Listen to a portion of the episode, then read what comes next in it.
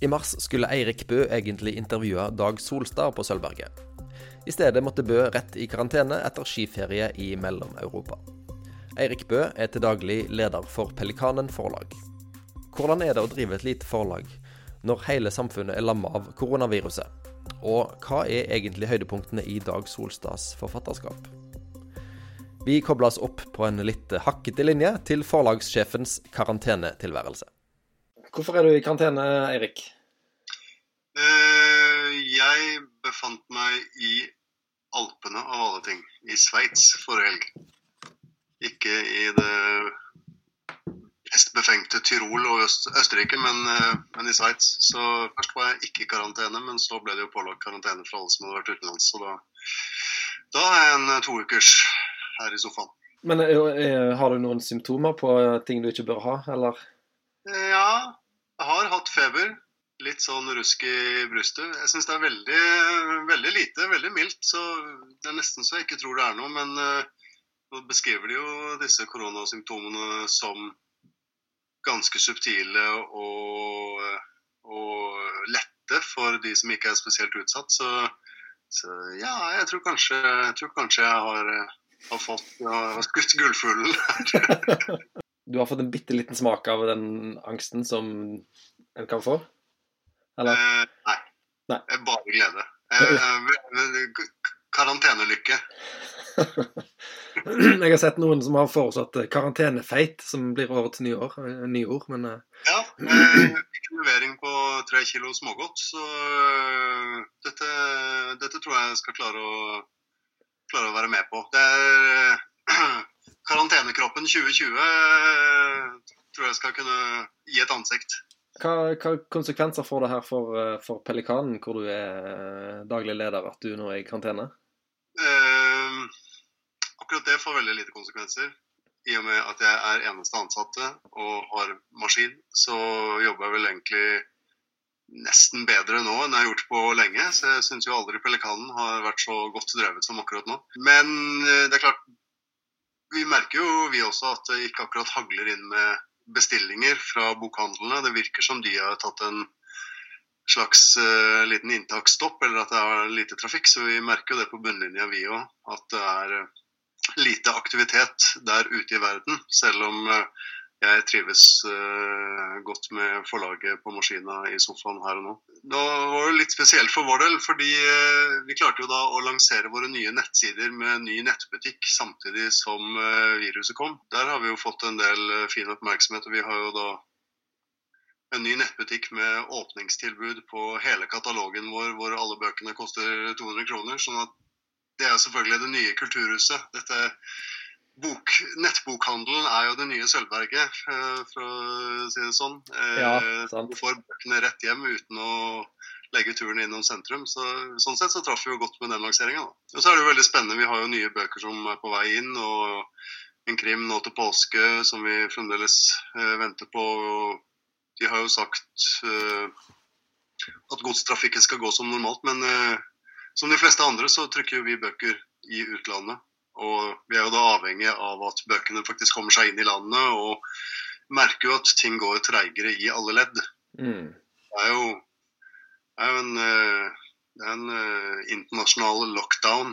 Uh, vi er jo ikke så altså Det vi lever av, er jo ikke den der store kioskvelter-turnoveren på flyplasser og i stablene i butikkene som Eh, de større forlagene gjør. Så, mm. Sånn kan du jo si at uh, Særlig hvis vi får nettbokhandelen vår til å luske og gå og ta en del av salget, så, så vil ikke dette egentlig forandre seg så mye for oss. Men mm. uh, vi er jo avhengig av at de nye bøkene våre kommer ut. da. Så, men det ser ut til å, til, å, til å, ha høy prioritet hos myndighetene også. At, at den handelen og den godstrafikken skal gå som normalt.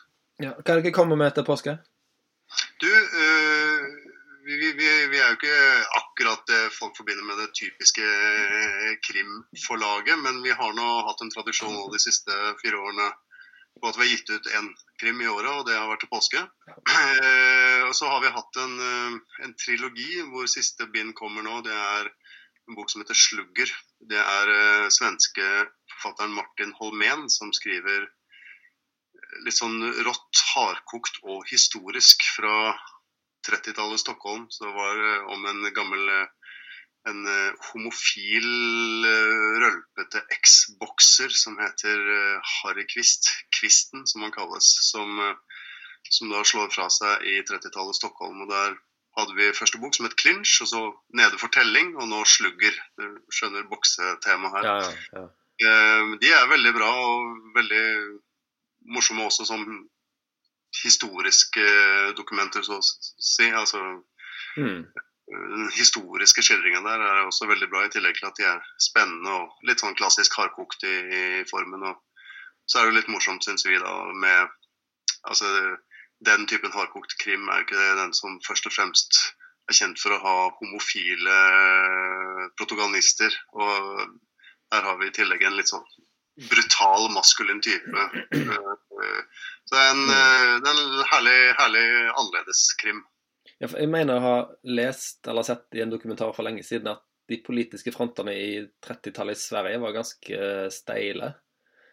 Ja, altså Det er veldig klart, spesielt i den siste boka her, da det har bygd seg opp gjennom de to første bøkene. De er, de er jo avsluttende, men de følger jo samme person og et tidsforløp utover på 30-tallet. Og, og det er den gryende eh, nazismen da, og brunskjortene i Sverige og Stockholm som blir tydeligere og tydeligere opp gjennom denne serien. Og i denne siste boka så er, er de rett og slett selve eh, hovedplottet. Altså det vår helt, Kvisten Kvist, eh, eh, dukker opp i, er eh, gjengoppgjør mellom bydeler i Stockholm hvor eh, noen har gått i kompaniskap med både politiet, som er fascistoide i seg selv, og na nazister med våpenimport fra Nazi-Tyskland til en gjeng i Stockholm. Så Mm.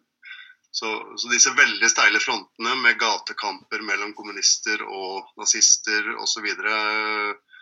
er veldig tydelig i denne boka. Så det, Ja. som sagt, det er, en veldig mye spennende historie i denne serien, eh, også som han skildrer veldig godt. Han er, han er historielærer og en veldig god formidler, Martin Holmen. Altså, jeg ringte til deg i går fordi at du skulle jo egentlig denne uka her eh, snakke med Dag Solstad. Ja, Nå på det hadde jeg gleda meg til i flere måneder nå. Ja. Det blir det ikke nå. Mm. Eh, og der er det jo nok å snakke om. Eh, Ja. Man får Dag Solstad til å snakke. Det, det har jo, folk har jo hatt eh, ulikt hell med det før, men eh, det hadde sikkert gått fint. Ja, det, jeg tror man må være forberedt på å ha en del å si selv.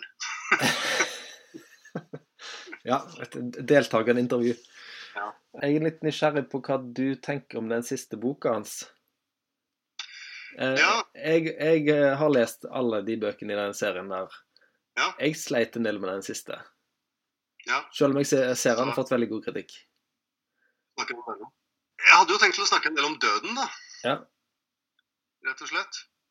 Og kriser. Det som er øh, Nå, nå har jeg gått tilbake og, og, og lest om igjen de to første. altså For de som ikke har det helt klart for seg. Det begynner med 17. øh, Nei, det begynner ikke med 17. Nei, det begynner med- 11. roman, bok 18. Ja. Det er første i en dobbeltpocket. Og så 17. roman, en god del år seinere. Og så da denne roman 2019 Ja. i fjor.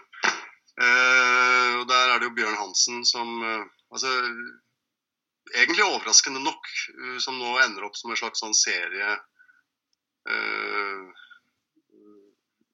Del av forfatterskapet til Dag Solstad, med, hvor Bjørn Hansen dukker opp uh, for tredje gang nå. Og det da finnes tre bøker om denne her uh, mannen som uh, er kemner på Kongsberg, og som velger å sette seg i rullestol, Mm. rett og slett Mm. det, det såkalte 'hans store ikke'. Det jeg kanskje synes, altså, det jeg ble litt overraska over, egentlig Jeg hadde glemt en del når jeg gikk tilbake og leste de første bøkene nå.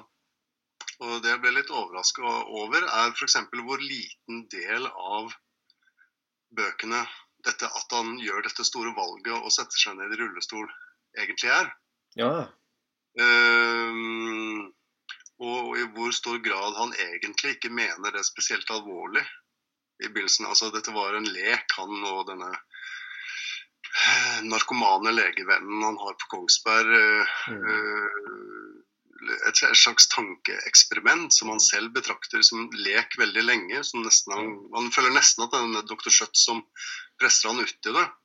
Selv om uh, han absolutt gjør dette her helt selv. Og så ble jeg da uh, igjen også overraska hvor, hvor, mye speiling det er mellom bok én og, og to og tre der. For det som gis mest plass, er jo forholdet til sønnen og forholdet til barnebarnet da, i, mm. i, den andre boka, uh, roman 17. Og det er en klar speiling der hvor på, på Kongsberg så så er denne sønnen Peter nettopp ferdig militær og flytter til Kongsberg og flytter inn hos han og skal studere optikk. Og, og på en måte den dialogen de imellom og, og Bjørn Hansens indre monolog om ungdommens vesen kontra da implisitt sin egen krise og sin egen forgjengelighet. Hvor mye plass det er til det i den mm. boka, og hvor likt det er i den siste boka, hvor det da er Peters sønn, ja. altså han barnebarn, som kommer til Oslo for å studere og tar inn på hybel hos mm. sin uh, farfar. Og, og, hvor likt dette egentlig er. Hvor, hvor, mye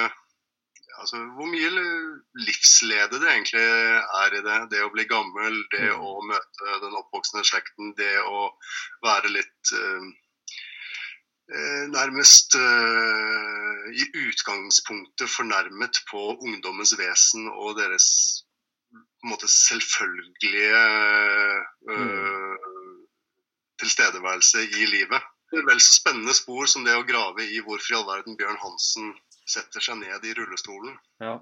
Uh, og, det, og, akkurat det spørsmålet om hvorfor han setter seg ned i rullestolen, har han egentlig ikke noe godt svar på, verken forfatteren eller hovedpersonen. Det kommer litt forskjellige svar på det. Det er jo morsomt å snakke om det òg, men jeg tror det er mer et behov for at noe må skje. Ja, sant det kan det fort bli litt sånn mekanisk å tro at alt har en, et svar. Ja. Det, vi, vi gjør jo masse, vi gjør jo mange ting som Har jo forskjellige svar i de tre bøkene. Ja.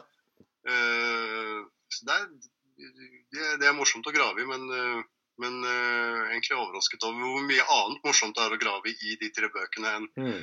det, det, er en slags sånn fake news-følelse over den hvordan uh, 11. roman, bok, bok 18, hvordan på en måte Den ene setningen man sitter igjen med der, er Bjørn Hansen, kemneren, som setter seg ned i rullestolen. Ja. Det er ikke helt sant. Det er ikke mm. det det dreier seg om. Det er mer en, en slags sånn halvbevisst, desperat utgang, eh, føler jeg. Eller ja. for behovet for at det skjer noe. Ja, for sånn som jeg husker den boka, der, så er det kan det være noe med det at han har alltid vært en som har liksom, hatt litt lite liv i livet sitt? Som, som liksom ja, gjort litt, for, litt for riktige ting. altså Sånn byråsjef i, i departementet, ja. og stemmer og er veldig trygt og godt hele tiden. Ja, så det er, det er, jo et behov for å røske litt opp i det. eller sånn Tvinge livet sitt vekk fra, fra de litt sånn sedate formene, på en eller annen måte. Ja, det blir litt det, sånn, det, sånn ketsjupflaskeaktig at jeg setter meg i rullestol. aller beste når han eh, Eh, etter å ha sluppet ut fra Ullersmo kretsfengsel, sitter på kafé på Grønland eh, og i Oslo og snakker med tidligere venner fra innvandrermiljøet i fengselet. Og Bjørn Hansen bruker noen ord som jeg ikke syns det virker som ligger veldig lett i, munnen på han, sånn som spjæle og sånt. da, da har da, tror jeg Bjørn Hansen har det på sitt beste. Da, da har han på en måte oppnådd eh, det han ville. Mm. Uh, og, og, da begynner han jo selvfølgelig også å, og lure på om innerst inne og ubevisst at målet med handlingen var avsløringen. Mm. Og ikke det å ende i rullestol, men det å Altså det er ikke Bjørn Hansen i rullestolen som er målet, men det er den tomme rullestolen som hjelpepleieren ser når hun kommer inn og avslører at han har gått på mm. do for egen maskin. Mm. Uh, dette får vi ikke noe svar på, men, uh, men han, han, han, begynner etter hvert å tenke ganske nøye gjennom hvorvidt det kanskje kunne vært en, uh, en slags underliggende, ubevisst, et ubevisst ønske om å bli avslørt. Der, der tror jeg Bjørn Hansen har mye rett i akkurat det. Ja, Er ikke det en sånn klisjé i sånne krimfilmer at eh, alle store forbrytere har egentlig litt, bitte litt lyst til å bli tatt?